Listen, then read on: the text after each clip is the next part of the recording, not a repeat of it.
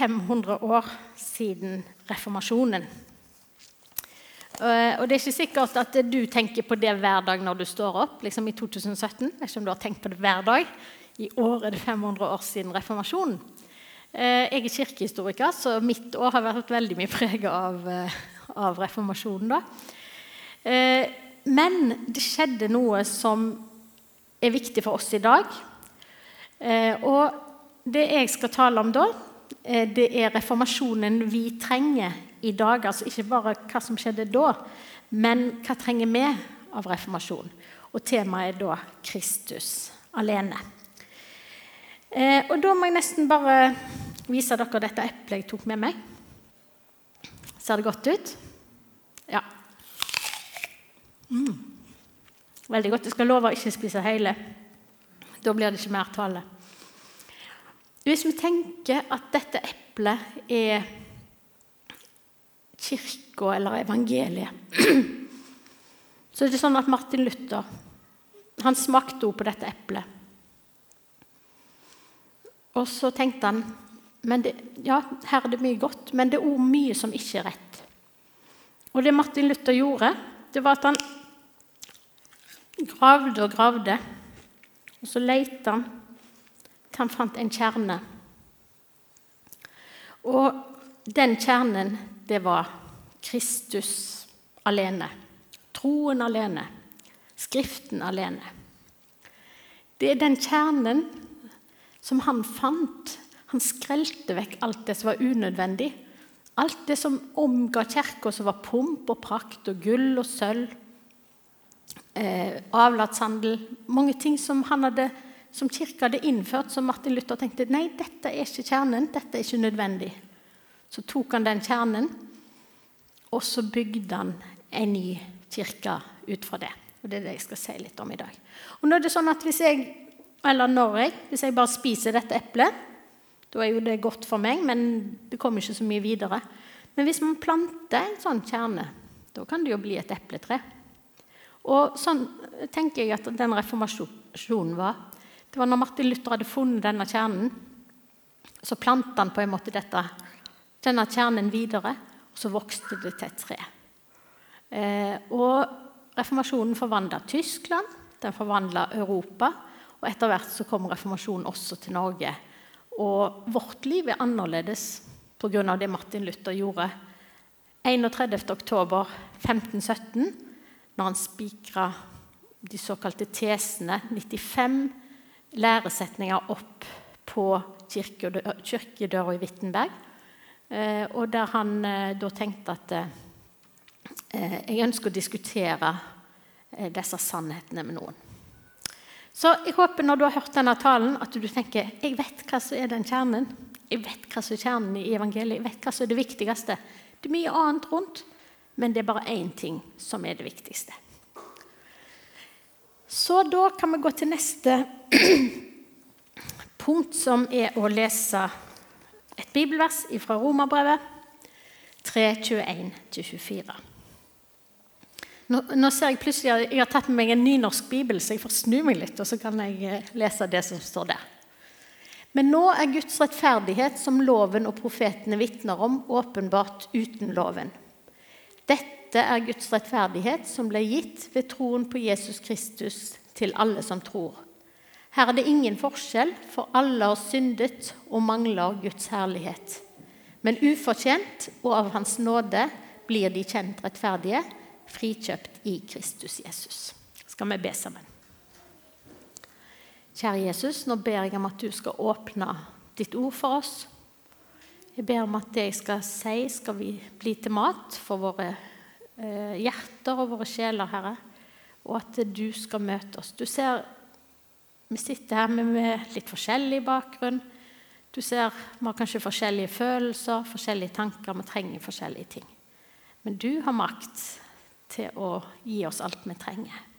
Og Det ber vi om at du skal gjøre i formiddag. Amen.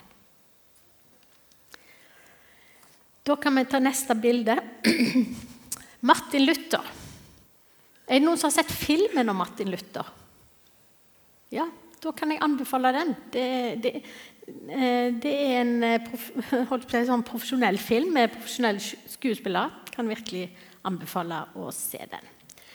Men Martin Luther han var en munk. Han prøvde å gjøre seg fortjent til Guds nåde ved å følge alle bud og påbud som var gitt ham. Jeg vet ikke om jeg noen gang ville sagt om meg sjøl at eh, eh jeg hadde fortjent å komme til himmelen gjennom mine gjerninger. Det tror jeg ikke jeg hadde sagt. Men det sa Martin Luther. Han sa hvis noen hadde fortjent å komme til himmelen gjennom sine gjerninger, så var det meg. Han, eh, Som munk så gjorde han alt som han var pålagt. Han gjorde alle fromme gjerninger som var krevd av han, og allikevel fant han ikke fred. Alle munker hadde en sjelesørger, og Martin Luther gikk og snakket med sin sjelesørger om dette. Og Da sa sjelesørgeren til han, 'Gå og les Bibelen'. Og Det var faktisk ikke en selvfølge at munker eller prester leste Bibelen. Ikke alle munker og prester hadde en bibel.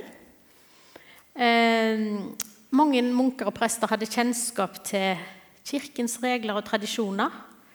Eh, men de leste nødvend ikke nødvendigvis Bibelen sjøl. Bibelen var skrevet på latin. Det var datidens engelsk. Men det var veldig mange mennesker som ikke forsto latin. Og så var det sånn at På Martin Luthers tid, på 1500-tallet, så var det en sånn veldig engasjement for å gå tilbake til fortiden, eh, til, til antikken og til den første kristne tid. Og det De ville, det var at de ville lese Bibelen på grunnspråkene gresk og hebraisk.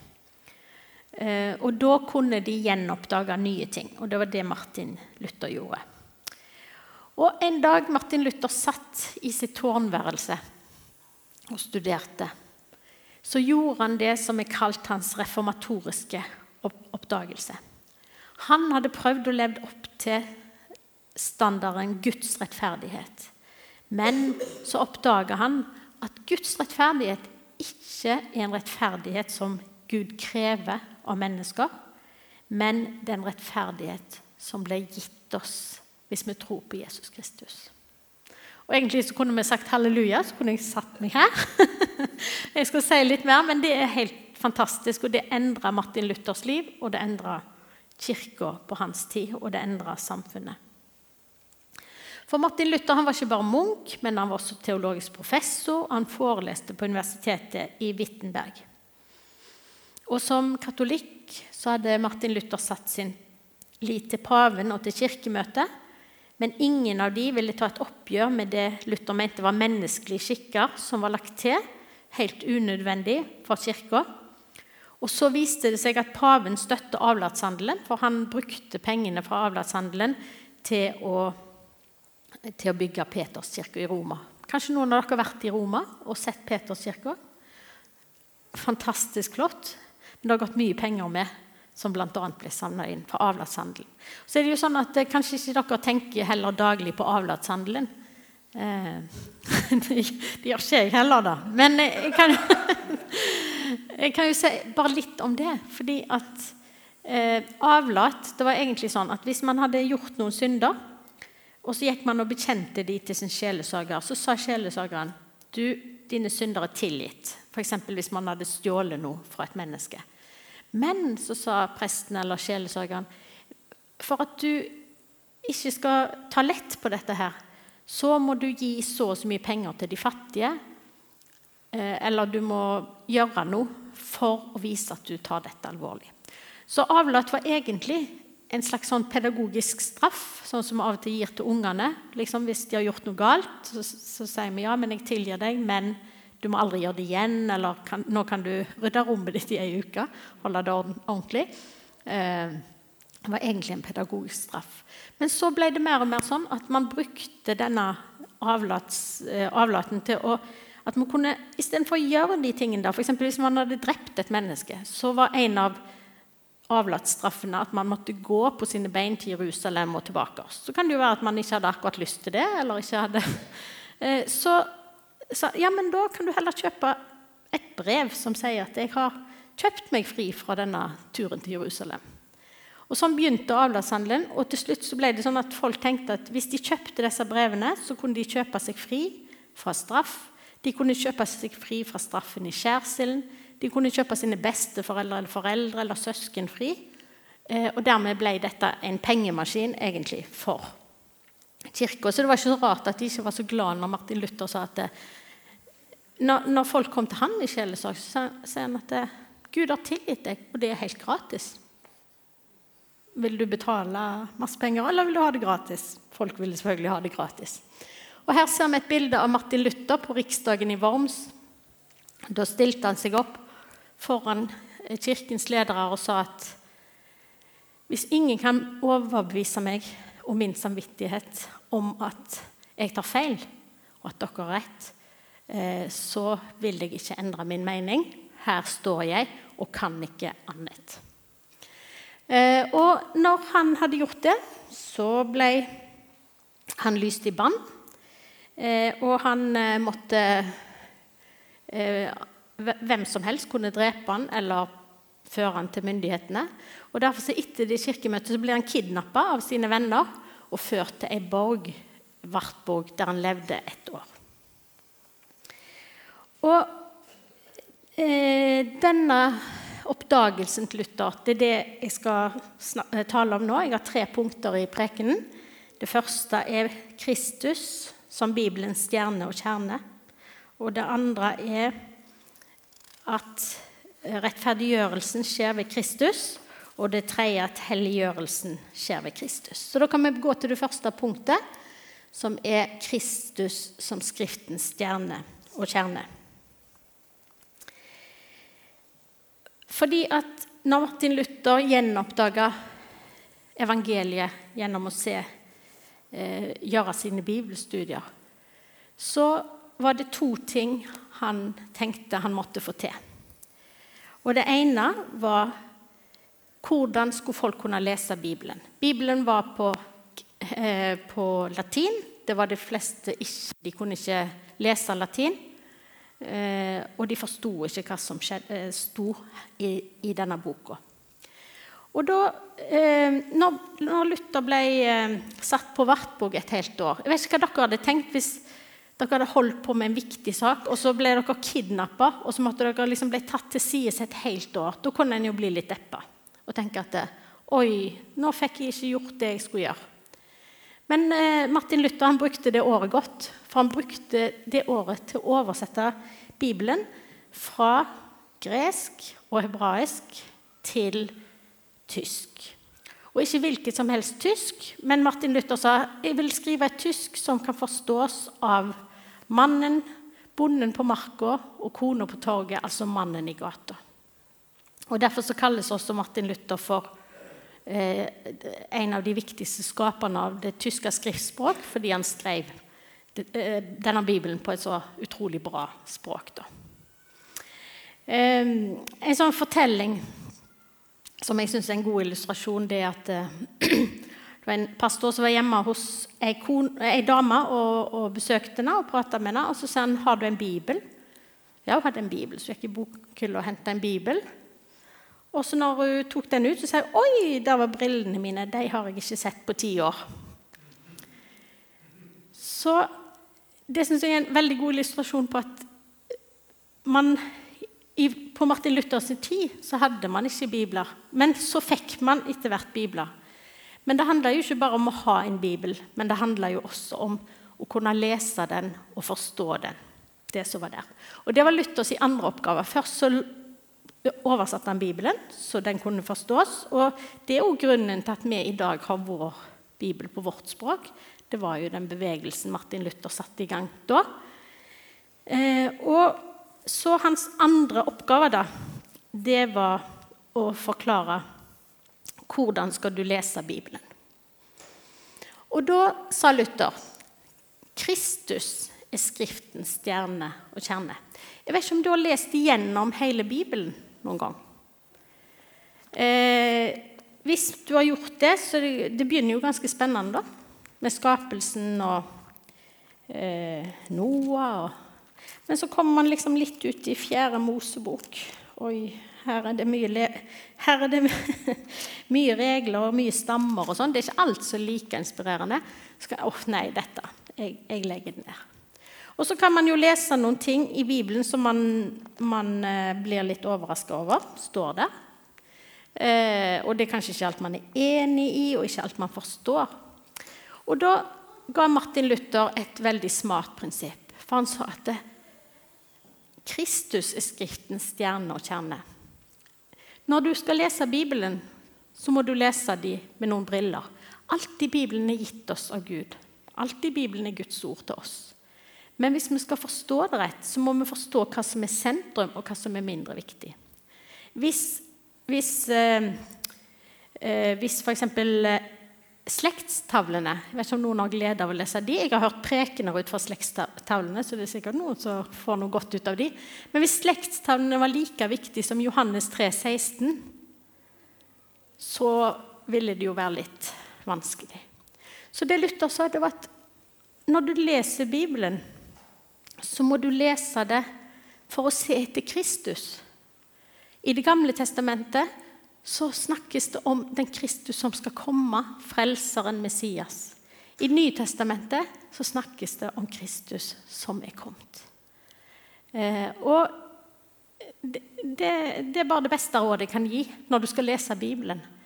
Jeg pleier å si når du går til Bibelen, så les det som Guds kjærlighetsbudskap til deg. Eh, når jeg traff Asbjørn, som er mannen min, så I den tid så skrev man jo brev til hverandre. Jeg vet ikke hvordan folk som dater, hva de gjør nå. Kanskje de tvitrer eller jeg vet ikke hva de gjør, sender SMS. Men vi skrev liksom brev. Eh, og jeg tenker da, hvis, hvis Asbjørn fikk et brev fra meg, og så så han Oi, her var litt stygg skrift. og jeg er egentlig ikke så god til å skrive. Og, eh. Han gjorde jo selvfølgelig ikke det, fordi det var et kjærlighetsbrev til han. Sånn at han, når han leste det, så så han Oi, hun elsker meg. Og når vi leser Bibelen, Hvis du leser Bibelen for å finne noe feil eller Det er mange måter å lese Bibelen på. Men når du leser Bibelen, så les Bibelen som Guds kjærlighetsbrev til deg. Og begynn å lete etter hva Gud vil si til deg. Hva vil Gud si til deg i dag? Hva er det som var en gang, men hva er det Gud vil fortelle deg? Og Da tror jeg at Bibelen åpner seg opp for oss på en annen måte. Og eh, Luther han var jo ganske frimodig i forhold til Bibelen. For han sa at eh, det er noen skrifter som forteller mer om Kristus enn andre. Så han likte veldig godt Romerbrevet og Galaterbrevet. Og det satte han langt framme i Bibelen. Mens Jakobs brev kom veldig langt tilbake oss for det, bak, for det han, var, han kalte det et stråbrev. Han syntes ikke det forkynte Guds, Jesu evangelium og Guds nåde godt nok. Og åpenbaringen syntes han var litt vanskelig å forstå. Kan jo være at vi òg syns det. Så den kom helt sist. Men den hører jo til sist også når det gjelder tidsaspektet. da. Men iallfall Kristus er Skriftens stjerne og kjerne. Vi har Bibelen. Og nå så jeg meg og Tore hadde noe helt like bibler. Har vi det? Ja. Veldig greit for oss predikanter. Men det er noe frampå denne bibelen, og det er et kors.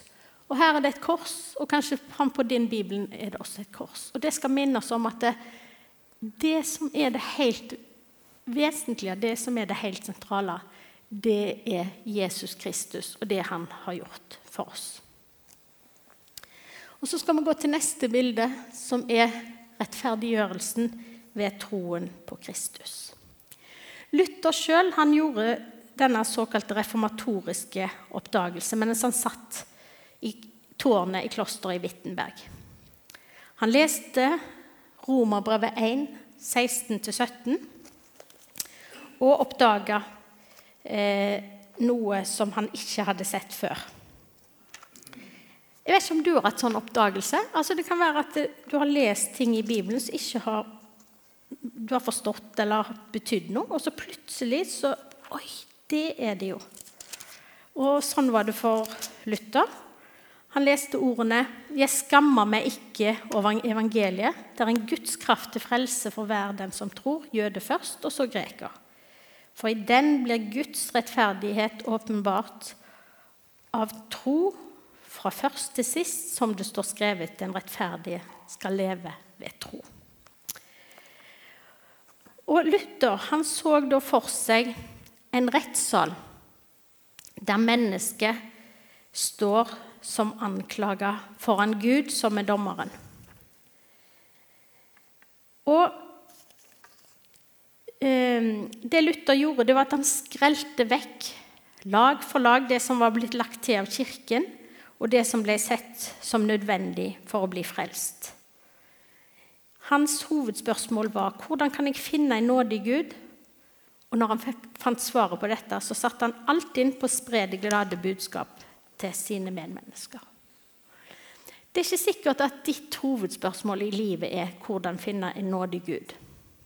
Jeg tror at For mange mennesker i dag så er hovedspørsmålet hvordan kan jeg vite at jeg elsker? Hvordan kan jeg vite at jeg er akseptert? For et par uker siden var det et intervju i avisa Fedrelandsvennen med noen lærere og rektorer om elever i dag. Og da sa de følgende Er du glad i meg? spør dagens elever sin lærer. Lenge før de spør om hva læreren kan lære dem.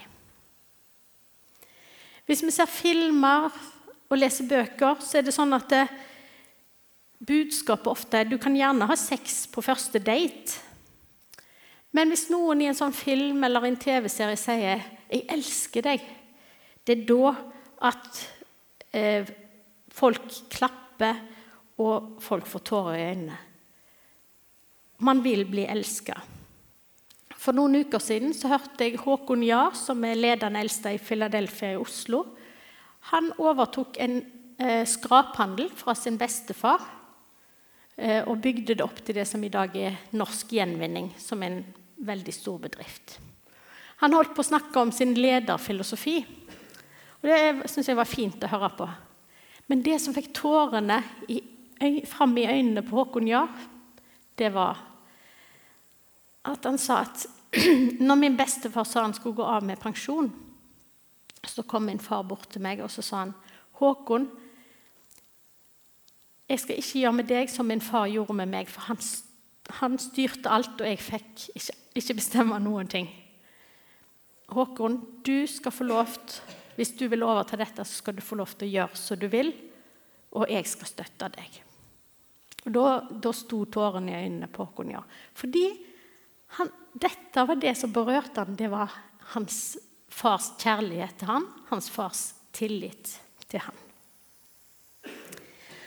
Men i likhet med menneskene på reformasjonstida så tror jeg vi bruker mye tid og energi på falsk trøst som får oss til å føle oss bedre for en kort stund. Jeg vet ikke om det er bare meg som Hvis jeg legger noe ut på Facebook, så blir man veldig opptatt av Facebook den dagen. Hvor mange likes har jeg? Har jeg flere likes enn forrige gang? Kanskje det var noen andre som har lagt ut, som fikk mye mer likes enn meg. Jeg, var det bra eller dårlig, det jeg la ut? Altså, min, min selvfølgelse går opp og ned i forhold til hvor mange likes jeg får på Facebook.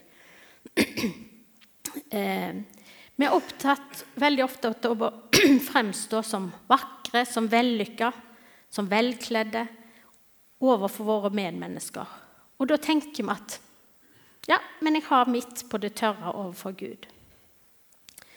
Når det gjelder synd, så peker vi veldig lett på andre sine synder. Det er det som vi sjøl ikke har gjort, f.eks. å drepe et menneske, stjele osv. Men vi glemmer at Guds krav er noe helt annet enn å leve et borgerlig sett ytre, prektig liv. For Guds standard er forskjellig for vår standard. Og Jesus sier det sånn. Dere har hørt der sagt, du skal ikke slå i hjel. Men jeg sier dere, den som blir sint på sin bror, skal være skyldig for domstolen. Og den som sier til sin bror, din tosk, skal være skyldig for det høye råd. Og den som sier, din gudløse narr, er skyldig til helvetes ild. Dere har hørt der sagt, du skal ikke bryte ekteskapet. Men jeg sier dere, den som ser på en kvinne og har lyst på henne, har alt gjort ekteskapsbruddet med henne i hjertet sitt. Ta dere i vare, så dere ikke gjør de fromme gjerningene deres for øynene på mennesker, for at de skal legge merke til det. Da får dere ingen lønn av deres far i himmelen. Samle dere ikke skatter på jorden, der møll og mark ødelegger og tyver bryter seg inn og stjeler. men samle dere skatter i himmelen, der verken møll eller mark ødelegger, og tyver ikke bryter inn og stjeler. For der skatten din er, vil også hjertet være. Og I åpenbaringen så står det:" Jeg er rik, sier du, jeg er overflod og mangler ingenting. Men du vet ikke at nettopp du er arm og ynkelig, blind og fattig og naken. Derfor råder jeg deg til å kjøpe meg gull som er renset i ild, så du kan bli rik, og hvite klær som du kan kle deg med og skjule din nakne skam, og salve til å stryke på øynene dine, så du kan se. Så når Gud setter sitt lys på oss og skreller vekk våre såkalte gode gjerninger, og viser oss at selv om vi lever ytre sett respektable liv, ved at vi ikke begår noen lovbrudd i forhold til norske lover eller ting vi blir straffa på, så er det Guds kraft til rettferdighet som gjelder. Og Da står vi overfor den samme utfordringen som Luther gjorde. og det er Hvordan kan jeg finne en nådig Gud som kan hjelpe meg? Hvordan kan jeg bli elska når Gud ser tvers gjennom mine vikarierende motiver, og når han ser lysten til det onde i mitt hjerte? I møte med Gud så raser våre byggverk sammen, og vi står alene foran Han som har satt disse kravene. Og Da kan vi tenke oss at det, vi står i en rettssal, og Gud sitter foran oss, han er dommeren. Og her står jeg, og Gud ser på meg, og så sier han, 'Ingunn, du er full av synd.' Du er full av falske motiver. Du er full av det som ikke er rent. Og så kommer Kristus, og så stiller han seg foran. Og så ser Gud på Kristus, og så sier han, 'Frikjent. Du er fri.' Og dette er det Martin Luther oppdaga, og dette er det vi kan leve på. Dette er det vi kan ta imot. Når vi tar vår tilflukt til Kristus, så kan vi se på det som står. Her er det ingen forskjell, for alle har syndet og mangler nåde hos Gud. Men ufortjent og av Hans nåde blir de kjent rettferdige, frikjøpt i Kristus Jesus. Og Da skal vi gå videre til neste punkt, som er at helliggjørelsen er også ved Kristus. For Luther sier at hvert menneske er samtidig rettferdig og synder. Fordi på en måte så kommer vi aldri lenger enn dette. Vi står foran Gud som rene og rettferdige, himmelen verdige. Og Samtidig så tar det jo ikke så veldig lang tid før vi snubler og synder. Og hvordan kan dette skje? Vi har jo bedt Gud om tilgivelse for våre synder. Vi er en ny skapning i Kristus. Det gamle er forgangent, og det nye er kommet til. Noen mener at Luther hadde et for negativt menneskesyn. Men jeg mener at Luther hadde et realistisk menneskesyn. For hvis man leser hva Luther skriver, så ser han at det er absolutt plass til gode gjerninger.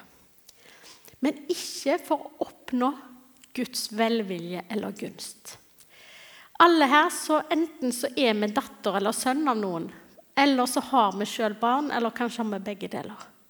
Og Det som er spesielt med forholdet mellom barn og foreldre, det er at den foreldrekjærligheten den sitter så dypt at selv om din sønn eller datter gjør noe galt, så sier du ikke 'Jeg elsker deg ikke lenger. Nå må du gå ut eller flytte ut en måned, så kan du komme tilbake når du har forandra deg'.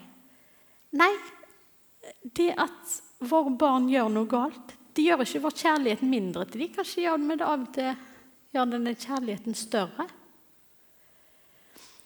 Eh, I fortellingen om den bortkomne sønn så har Karsten Isaksen, presten Karsten Isaksen synes jeg er en så utrolig fin kommentar. For han sier at det, den bortkomne sønn hadde synda, for liksom, det var åpenbart for hele verden. Men den hjemmeværende sønn han gjorde ikke noe galt, men han gjorde ingenting annet heller. Altså, Det er ikke det der fraværet av åpenbare synder som gjør om Gud elsker oss eller ikke. Eller at vi har synda, men det er Guds fars kjærlighet til oss. Og Jeg tror det ligger så dypt i oss at vi skal prøve å blidgjøre Gud gjennom noen gjerninger. Men det vi kan gjøre, det er å tenke at nei, når jeg gjør noen gode gjerninger, så er det frukten av det Gud har gjort i meg. Og det er ikke for at Gud skal bli mer glad i meg, men det er fordi at Gud har gitt meg så mye, og jeg vil gi det videre til andre. Og Vi må skille, altså det kan vi jo tenke på korset. Her er den linja som går mellom Gud og oss. Det er den som jeg snakket om sist. Som er, her står vi framfor Gud, og det er Guds, Gud som kan redde oss. Men så er det også den horisontale delen, som er hva skal vi gjøre i forhold til våre medmennesker. Og Da sa Luther det veldig fint. Et godt menneske gjør gode gjerninger, men gode gjerninger skaper ikke et godt menneske.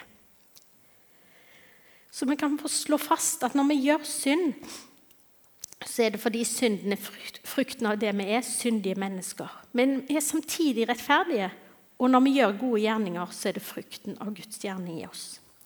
Og Da tenkte jeg litt på ekteskapet som et eksempel på samtidig rettferdige synder. Jeg vet ikke om du har tenkt på det før. Eh, på bryllupsdagen så er det vel sånn at de fleste brudepar tenker at eh, dette er jo den ultimate lykke i livet. Nå har jeg virkelig fått drømmeprinsen eller drømmeprinsessen, og resten av livet mitt blir veldig fint. Eh, eller kanskje du drømmer om den dagen. Eh, ta, og den dagen så får de et juridisk dokument som sier at det, der det står svart på hvitt at man er for rette ektefolk å regne. Men så tar det jo ikke alltid så lang tid før de såkalte hvetebrødsdagene er over. Jeg har en kamerat som sa det første hans foreldre krangla om, det var hvordan frokostegget skulle kokes. Det trenger ikke være det, men det kan jo være andre ting man er fort uenige om. Eh, og det er jo ikke alltid sånn at ektefeller eh, er helt enige om hvordan man skal oppdra barna, eller hvem som skal ta ut av oppvaskmaskinen. Men selv om ektefellene krangler, så opphever ikke det den juridiske statusen at de fortsatt er gift. Og Sånn kan vi òg si at selv om vi fortsetter å synde også etter vi har tatt imot Kristus, så er vi fortsatt rene og rettferdige himmelen verdig i Guds øyne. Og som ektefeller må forsone seg, så må også vi forsone oss med Gud og våre medmennesker. Og Jeg vet ikke om du har gitt dette rådet til noen i, som har gifta seg, eller om du har fått det, men det er jo 'la ikke solen gå ned over deres vrede'. Kanskje du fikk det rådet sjøl. Og det er jo tanken om at hver dag eh, så må vi leve i tilgivelse i forhold til hverandre. Og sånn er det også i forhold til Gud. Er det noen av dere som har stått på badevekta og trukket inn magen? Jeg tar meg sjøl i å gjøre det av og til. Eller ganske ofte. Og det er jo den ultimate måten å lure seg sjøl på, selvfølgelig. Men jeg har bare lyst til å bruke som et annet eksempel trening og slanking. Eh, I forrige uke var det et intervju med en eh, person, Eivind Haugstad, i Fevennen. Han sa jeg var en klassisk sofagris. Alt handlet om pizza, brus og godteri. Men snart skal han springe New York Marathon etter å ha begynt å trene og tatt av 40 kg. Han sier, 'Jeg slåss mot min indre sofagris hver dag'. God form er ferskvare for at du skal ha glede av den. Og For å trekke paralleller til helliggjørelsen så kan vi si at det, du er blitt frelst, og det varer for tid og evighet. Men helliggjørelsen er ferskvare. Hver dag må vi velge å la Gud og det gode slippe til i vårt liv. For vi bærer alle også i oss fristelsen til det onde til det egoistiske og til det feige. Og Da kan jeg få det siste bildet. Og det er Guds nådige invitasjon til oss. Kanskje trenger du en ny tårnopplevelse, eller kanskje er dette din første tårnopplevelse-invitasjon. Og Dette er et sånt gammelt bilde, og dere har sikkert, kanskje dere har sett det før, men det er et veldig godt bilde. og det er at vår hjertedør, som står og, Jesus står og banker på, den har ingen håndtak på utsida. I motsetning til mange andre så trenger Gud seg aldri på oss. Han går aldri over våre grenser. Men han banker på. Se, jeg står for døren og banker. Om noen hører min røst og åpner døren, da vil jeg gå inn til han og holde måltid, jeg med han og han med meg. Du kan velge å åpne den døra. Gud har sitt nådige tilbud, men det er bare du som kan velge å slippe han inn, enten for første gang, for femte gang, for tiende gang, fordi at du trenger et nytt møte med Han som elsker deg, og som kan frigjøre deg. Og Luthers tårnopplevelse fikk ikke bare betydning for han, det fikk betydning for kirka, for samfunnet. Og når du tar imot Guds nåde for første gang eller for n-te gang, så vil det få betydning for deg. Men ikke bare for deg, for din familie og venner, for din arbeidsplass og for samfunnet. Noen snakker om å føre Norge tilbake til Gud. Det kan aldri skje ved en lovbud eller tvang. Men samfunnet vårt, trenger mennesker som lever i Guds nåde, og som viser andre barmhjertighet, sånn som vi sjøl er blitt vist barmhjertighet. Samfunnet vårt trenger at vi ikke ser på det ytre for å vise respekt for andre, men at vi ser at vi alle er like. Alle mennesker har synda og uten ære for Gud, men alle mennesker er også skapt av Gud, elsket av Gud og kan få del i Hans nåde ved Jesus Kristus. Så den reformasjonen vi trenger, det er å vende tilbake oss til det enkle budskapet om Jesus Kristus som vår og verdens eneste frelser. Amen. Skal vi be.